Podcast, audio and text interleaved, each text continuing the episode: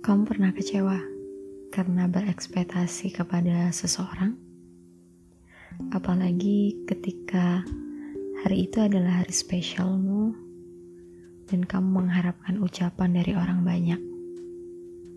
Beberapa manusia ketika tiba hari lahirnya begitu berharap besar hadiah dan ucapan orang lain.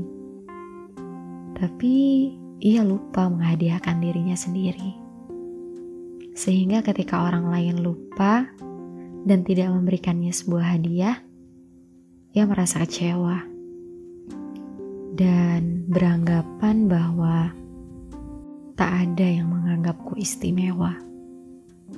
Padahal dirinya sendiri belum ia anggap istimewa. Bagaimana orang lain bisa? Makin dewasa, Harusnya kita tahu bahwa bahagia itu datangnya dari tangan kita sendiri, dari jiwa kita, bukan bersandar dengan orang lain. Dan makin dewasa, seharusnya kita lebih bisa memberi makna pada usia kita dengan menjadikan setiap waktunya sebuah kebaikan. Hadiah pertama yang harusnya kamu terima adalah menerima dirimu sendiri, kemudian membuktikannya dengan kebaikan yang bisa kau lakukan. Membagikan kebahagiaan itu dengan caramu. Oh iya, menerima bukan hanya tentang kekurangan, tapi juga menerima kelebihan. Takdir memang seperti itu jalannya. Tak ada yang benar-benar sempurna tanpa kurang. Dan semakin dewasa, seharusnya membuat manusia semakin sadar bahwa hidup di dunia ini begitu dipertaruhkan. Sebagai penentu jalan pulang, surga atau neraka. Memang sudah ditulis skenario-nya. Tapi yang jadi penentu jalan akhirnya adalah diri kita.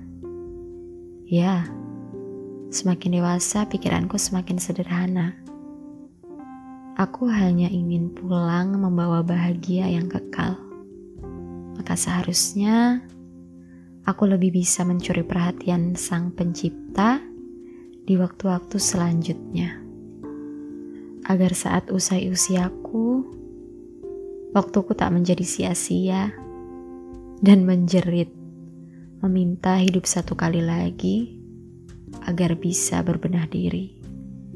Podcast ini adalah hadiahku untukmu, untuk siapa saja yang merasa bahwa setiap hari adalah proses bertambahnya usia, dan setiap hari adalah proses menuju bahagia di surga dengan apa yang kita lakukan dan kita maksimalkan. Terima kasih sudah mau mendengarkan. Ambil yang baik, buang yang buruk.